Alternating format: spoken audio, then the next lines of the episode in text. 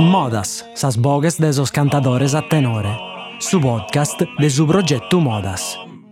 Su tempus de oe, su passado e su tempus benidore de su canto a tenore, contados da esos cantadores e dai Bustiano Piloso. In questa puntata Bustiano Piloso chistiona con Manuele Mureddu, cantatore a tenore, ma vinzas grafico, pintore, fumettista e grande amante e studioso della cultura sarda. Po Manuel dua differenzia tra un musicista che sia da chi cantata e un beru cantore a tenore, ca gustu est su chi, prima de tutto, poltada in coro sa moda de sa idda sua, chi la contivizzata e l'interpretata in sa maniera proldigna. Proprio per questa ragione, Emanuele de hanno spoltata denanti una gricca supa de sa moda nucoresa. Sa resonu sou bi è su denore commente musica bia, in ue bisonzada non pezzi cantare bene, ma vinzasi scultare tanto bene. Sa responsabilità per un manna po un cantore è scusa de comprendere scultanne commente cantare mezzo con una oghe o con un'attera, rispettanne sa moda de Saidda e fino a su trazzu de donzi cantatore. Iscultate Boscommo, sa resonata de Bustiano Pilosu con Manuele Moreddu. Manuè, come questi ultimi anni, noi due non siamo conosciuti abbastanza bene, abbiamo trattato meda, namus, che abbiamo total due sa passione pro su canta tenore, su brusu e scus. Poi nos aggrada da tutto su chi è sardo, tutto su chi è scultura nostra. Tu sei non solo un cantatore a tenore nugoreso, ma sei vinza già un pintore, un grafico, un studioso de giughi per tocca da sosogros, non solo a sasurigras. Sei un artista e artigiano vinzas dessa cultura non solo musicale e del suono dessa Sardigna che lo consideriamo quasi su sono della terra nostra, no? su tenore e sa musica nostra. Ma se il finza già è studioso e appassionato e artista, de su de commente comparidi artisticamente a sosogros sa terra nostra, sa cultura nostra. E sa provocazione mea può cominciare este, che due ti occupa di tutto sa Sardegna. E studia sa personaggi, storia, però tenes in intro che non è una critica, è un'osservazione che vago io. Meda, meda, meda su essere il nugoris. Quando ti occupa il tenore, se tenes una concentrazione veramente alta sopra su tenore in nugoro. Cioè, bidenes in una maniera particolare. Meda. Veo penso che se uno è una persona che canta da tenore, che le si sia pezzo che va a cantare, e chi a sa domanda, ma dentro da sé poi, non chi sa bucca rispondendo a suata, ma dentro da sé, quando le domandano, caleste sa maniera che ti piace di prusa cantare, non rispondete, che lo sentite, sa moda di sa vita mea, e questo non siete un cantatore a tenore. Questo è un musicista che va che te canta a tenore, ma non è un cantatore a tenore. Che l'espressione musicale, chi è tutto, il suo canta a tenore, chi è tutto, este però, su punto, punto d'arrivo, si in italiano, no? Invece batta tutto su queste impala. Su canta tenore este che ha tutte le espressioni umane, artistiche, mascamente le espressioni popolari, este su risultato è una serie di cose che possono essere mettere differenti e che forma a, sa, a, a soggetto un amor della discussione. Sul caso del canta tenore, queste espressioni della vita. Certo, poi Za curzo na sistema za chi za curziando pruso, bida za largo, questo è naturale, come si va a vedere, come si gente, su carattere e tutto su chi è. Però è questa cosa in primis è importantissima. In eh, come seconda cosa, ma una cosa che già sia da za intervista che ha fatto, e cioè chi eh, patta battista mascamente eh, un momento, il suo cale a Uh, jos che si interessavano a noi, noi nugori stranzo da terrare vita. Pompiavano al nugoro come boh, questa specie di terra di conquista, no? De negoziare come chi, sì, ma in cui poi promuove venire dei scoros o promuove di mille altre cose. Chi è? Ho cantato un po' di attese, ma mancare come una specie di, come te chi, lo sapano risuscitato, no? Boccaro del terra. E, e questa cosa, la verità è che è nata, noi questa cosa non sa sempre d'orfio, ne si a me, ma sempre da fatto. Ma scamente che... Sordato o oggettivo nana Na, na, tutto un'altra cosa. E dunque, se tu hai unisci queste due cose, che Dio sono convinto, convinto, che uno si canta a tenore, poi piace tutto su tenore, de su mondo, tutto su tenore della terra vita, però se non ti piace te su tuo, della vita tua, tu non sei un cantatore a tenore, sei un'altra cosa. Devo pronare, non canto per un'altra maniera, manca in baro che non sia nucorese. Mai. È che in companzo si stranzo, è una questione del de buon no? Però noi che mi ponzamo a imparare come si canta in un'altra vita. Ma non che non mi interessa toccare lo rispetto, che lo rispetto. E lo devo cantare isso, devo cantare questa maniera. E poi questo trovato che devo personalmente, poi devo prima ponau, tutto canto l'abbiamo sempre inteso. Magari sto non sentivo pezzi miei, ma a me è spazio che questa cosa invece negoziava tra tutti. E devo la poi interiorizzata meglio. Quindi vada una necessità di Vince Gianammusu che due ha interpretato personalmente di un bisogno di chiarire una questione che vi bessende a campo in una maniera sbagliata. Assolutamente. E che vivi su bisogno, insomma, di narrare sa cosa come sono. E poi Vince ha sposuvato che sì, non che l'alnarasa si di cuda camminera adesso s'arreiano il fatto so d'una caghetassa sua, no? E tanto come te disese, tu è questo ammulnato de come te sese a mannu, nammu, no? De sughi che al fatto a mannu. Però non è sempre stato gai, quando ti sei spesato o, o filgiato questa idea dai diritti. No, ovviamente è un'idea che ha uh, sviluppare una no, che si è formata trafficando viene a schissa gente. Eh, anzi, forse è un'idea che si è sviluppata me da pustis, me da pustis, che Deus, quando comincia a cantare, vi poi sa superiore. E dove che è artistico. E artistico ha in quei anni, in quei anni 90, una particolarità, che il pruso dei cantatori e tenori che frequentavano l'artistico vini nugoresos. Difatti, tutto quello che si è gente che come canta a galo, che canta in terra informazione dei servidori solo, ischian cantare a San Ugoresa, pro forza, caso prusu, eh, vimos un ugoreso, no? Dunque, questa cosa noi che la, l'intendiamo mai da in anni. Invece a Pustisi, ha poi cominciato, ma scritto poi essendo a zira a cantare, che hanno poi cominciato a cantare con Armando e così chine, eh, ha poi, questa cosa l'ha poi intesa di pruso e sinceramente va a dare il fatto. Mm, proprio, ma, mi pare una, una cosa di bassa categoria. Proprio. Pago gustero. Eh, sì, sì, sì. Eh beh, ti vedi, ti mascamente che hanno detto una cosa che bittenes, ed è bittenzo meda cantata tenore, e cantata tenore San Ugorese. E biden nel meda, la, la notato, eh, mea, cioè, questa um, osservazione mea, è in un senso, finza al de antu, no? Pode, denare selfagende sa parte chi di casse peradu e chi in qualche maniera bigheria puro, qualcuno che poi, eh, insomma, narei a cose senza timore per una, che due di questo carattere lutenese, eh, deve dare liberamente essa convinzione vinta dalle sue opinioni stuas, però una terala sese è un giovane che pote dare meda vinzasa in generale a su canta tenore, non solo in nuco. Ma eh, ciudaga navata zbiade ciudaga si stava lumenau medar vorta gioia.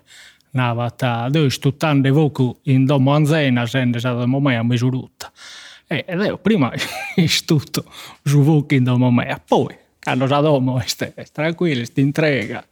Eh, le queste e al fatto bene vinza a mentovare a ciudaga fa un bello paragone poi compreso su Chisanane ovviamente. Sì, sono no, no, che non ha battuta. Però tu a, a sa cosa al de Gommo sei impegnato in questo, in questa opera dei studi innanzi al dedotto. Certo. E che questo studio da battuto a tenere tante opinioni sopra il tenore del numero e finza a, a cosa schisa il galo che rende di comprendere come funziona, no? che a me tanta volta andiamo a regionato. E ti idea dal fatto di questa moda nugoresa due? Ti rispondo la stessa maniera che mi ha risposto zio Peppe Pisserito una volta che lui può pissichinde, proprio in cui pissichinde, lui che mille domande, e a sapere la ponao. Zio Peppe, ma questo tenore sanno cosa, come te vitissimo, come ma no, come te viti, basso contro e meso bocca. È una risposta bellissima, intelligentissima, come te che si chiamiti, basso contro e meso bocca. E, certo che mi ha provato un'idea. E, ma l'idea è mudata cada dia, non su chi è scolato, ma per un fatto importante che io stessi, ma che va sempre bisogno di tornare a narrare. Che giocata tenore non è una cosa archeologica che camo boccao, i scavandes, un'uraca di Talcamanna, cussa est, la studiamo sprocchento che in malta non si barraccussa.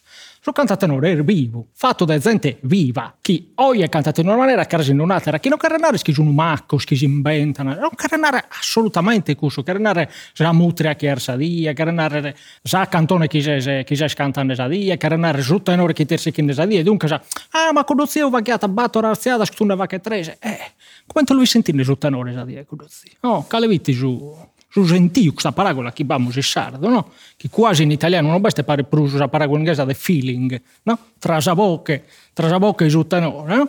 E, e tanto calersa giusta, la stiare tre volte, ma Run dimanda che ha senso, ma non ha senso a sa stessa maniera. È una cosa come... Su canta tenore, è una cosa vattu, vatta, da essere umano. E tutte le cose fatte da gente viva sono cose complesse, meda complesse.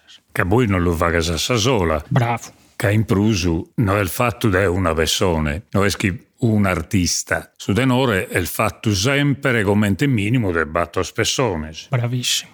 Eh. Del battor solista, mm. questa è una cosa fondamentale che veramente ha este, la differenza va a, a negoziato prima del coro polifonico, so, eh, tutto bello, tutto giusto, tutto con panzolomeo, so, la ponura denaro, però la differenza è che su cantatenore, la differenza è man, è che su cantatenore tue cale sia parte che va che issa parte che va che ser mere, e ser fino a responsabile, anzi spesso preciso, se corresponsabile, che renare che tu e via cantare male, è tutto su tenore di fuliare. Dunque non puoi cantare male, non che una die mancare che può capitare a tutti, ovviamente, no, sono però Giornale che tu intendi questa responsabilità, è un patto, è un patto tra le persone, questa cosa è un approccio alla musica, che è importante. Pare che, che il diverso meda. Diversissimo. Adesso satteros.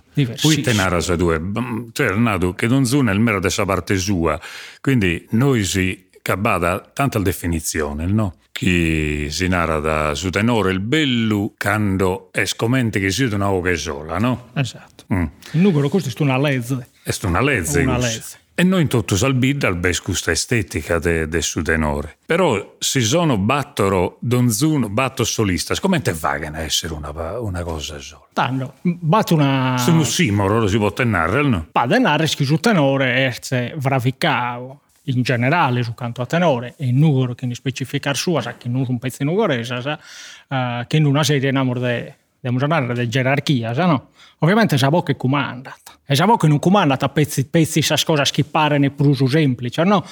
Tono, su velocità, no? Ma viene la interpretazione, no?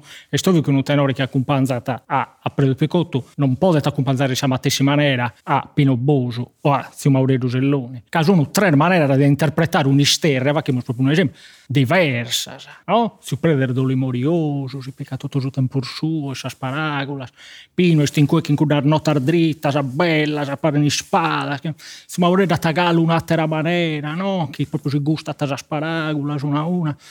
E, e su tenore si è tenore, si è tenore, si è ci non fa che ne attero, comprende queste cose. E sì che ti sutanore, sutanore sì che ti savo La senti di Don Ramos a Cudu. Una volta mi pone negoziare di questa cosa che inizio poi panzelo, Montesan, suo panzelo degli anni che si sta illuminando per una volta oggi. E, e puste tutto questa negoziata, ma no, dede, affilao scherene, affilao scherene. Che pare gai, pare una cosa semplice. Invece la verità è affilao con forma sa bocca. Ma poi in intro noi abbiamo un'altra, per un secondo una cosa tecnica, che abbiamo già contra chi comanda in Nugoro ma sul basso che data sul timbro del suo tenore. Sono, è un equilibrio che si sta uvravicando, sul secolo evidentemente, che però è importante, no? Sa contra sì chi ti, su che fa che ne sa bocker, su chi so scorfo, so desa bocca si sono in una maniera, issu va che goi goi, su basso, data su del suo tenore, e sa messo bocche, deve tornare in contrappunto rispetto a sa bocca, si sa bocca, ste Erlena, sa messo bocca all'estra, e a simbes. Questa cosa che pare ginnastica, no? Se tu fai così, perché... No, è ragazzi, no? È una maniera di mantenere in equilibrio il mondo. Dunque, tu ser mere. Dunque, tu ser mere. Che in intro di questa cosa, che man cucinata, noi che non sediamo del denaro, tu hai per fare caricare e per schire. Lo comprende, no, ovviamente. Però ser mere. Non è mustinata, tanto sarziata per fare che esattamente in questo punto, abbassiata in questo punto, in no, che deve staccare con la sillaba da... Non esistono queste cose. Pro questo che abbiamo ragione che non abbiamo, questo vale per tutta la vita, eh? che batte una moda della vita, ma cada troppa, no, cada, prima di andare cada bocca, no, cada troppa, cioè cada bassa contro chi si vuole mampare, cada... sono un mondo a sé, sono un mondo a sé, che tornano a un sistema, ma può avere fino a differenze non indifferenti, e sono umere. Rumores. Esto è mm, una bella responsabilità. Una responsabilità bella, eh, cioè, come siamo facendo serio, parte che siamo negoziando di gente che stanno a salvare vite sul fronte di noi squid. No, è una responsabilità bella.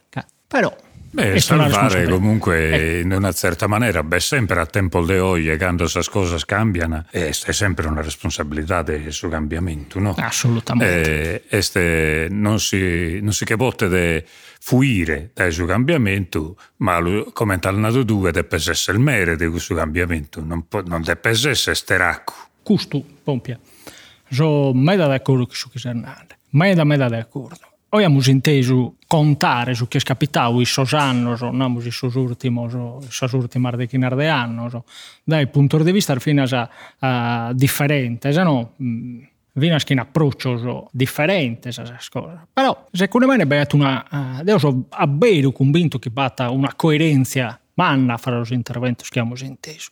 Iso senso che cada idea, sia tacasicata, sia casi ponzata namusu pro la vacher facile contra a si spirito de sos tempos, este fizza de si spirito de sos tempos. Dunque, una idea fizza de sos anni 70, de sos anni de su palco, della rivalutazione su tenore, eh, una idea de si Armando che veniva ad essere virmao de sos carabinieri che aveva cantato a tenore, che, che cantare a tenore, che era narrare essere un bandito, essere una persona di questo tipo, eh, che era narrare essere uno che veniva da un mondo che deve essere completamente raso al suolo, ispirito, non deve più esistere. Culturalmente. Culturalmente socialmente ovviamente sonare, culturalmente. In vez de narrar, no, noi vos mostramos che questo mondo ha una validità estetica, ovviamente è ovvio che... È sociale puro. È sociale puro, andata in una carica maniera a lo, come non che non lo cristallizzare, ma non stiamo scoprendo, no? Cioè, aveva che avere una, una versione pur bella da sé, no? Una versione mezzo, come quando ti vesti per andare uno con io che ti vestire bene. Noi che quando sei vestito chissà tutta la ginnastica, non, chissà canadese non sei tu, e sei tu e vieni a si vestito in canadese o si vestito io per andare a traballare, no? Però Zer facendo così sia. Come per noi è facile a barantano di distanza, eh, ma non si cata pezzigai, ma noi non possiamo finire, possiamo andare chissà, chissà jeans. È vero, però non dobbiamo sponnere i sospanno e comprendere proitte e, e, e gaisikin, quello che hanno cantato sugli anni 60, quello che hanno cantato sugli anni 70, sono schimbanta gallo prima. Deo Franco, Sio Chischedo, che è morto veramente, che deve un po' pizzino, però da troppa sua può trattare un medissimo che in eh, Sio Petteno, che è Francesco De Logo Petteno, che è morto umano, ha cantato un montone porta a Parisi, che mi fa dare iaia, vede Giuseichi. E è che in tutto usato di quella generazione, che Zio Peppanza, lui mi sempre spiace a cantare che sorziosi, a barare i mesi sorziosi. E appena a Giuseichi, non pensi per intendere come come cantavano. Per cercare una versione, no, di ponere in frigorifero di chi va chi Per cercare di comprendere come funzionava questi anni solo e proiette tutto noi vegani in anni. L'unica maniera per comprendere proiette tutto noi è stare a noi in questa maniera. Giustamente, giustamente. Comprendere non tanto proprio su concetto de una, una melodia, due alziradas, eccetera, che sa moda non è scussa, ma sa maniera e su concetto de commente la pensammo noi si sopra su tenore che non vanno bene manca a lunarrere, ma vanno bene a luvaghere. Cioè che le sono questa regola sa, che ne sono iscritta, sa, che ne sono fissa, esatto. che sono sempre in cambiamento, ma che non permettono di cantare a San Ugorese. Quindi devo comprendere e de, de, de, de impossessare in qualche maniera dei schiritti selfagende là, in dentro de, de, de un mondo de, de su cantunzo. Tu Emanuele Ischisi, che questa regionata nostra, che come noi serrammus, che su tempo non che il fuende, ma Ischimmo il bene che ti, ti devo precontare de donzi che, che hai abboiato, su carattere, su modo, su maniera de, de, de fare queste ore, deve essere a sa poesia, deve essere a sa musica, deve essere a si stare parisi, devi scurtare sos cantatores e, e ti lo devo domandare e nos vamos a tornare a boiare, può arreionare finza spru liberamente da quando abbiamo fatto come, che potremmo essere mezzo noi il due, so di gusto che mm, su denore non coresu, ma su denore in genere lo merita. Lo merita, lo merita e non spieghiamo su tempo su chi, chi bisogna, non pensiamo a noi proporre in riga queste idee, ma vina chi merita mascamente sul tema che stiamo affrontando. Tanto tutto grazie. Grazie a te, po, po gusto, nammo su queste cose che da schicamo il bocata a pizza. E saluto a tutti. Azis ascoltado Modas, sas bogues de sos cantadores a tenore, su podcast de su progetto Modas. Intervistas de Bustiano Vilosu. Produzione esecutiva de Diego Pani. Registrazione audio de Bustiano Vilosu e Gigi Oliva.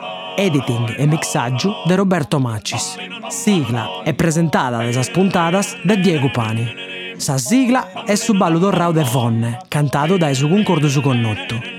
Su podcast de Modas est un trabalho de SISRE, Istituto Superiore Regionale Etnografico de Sardegna.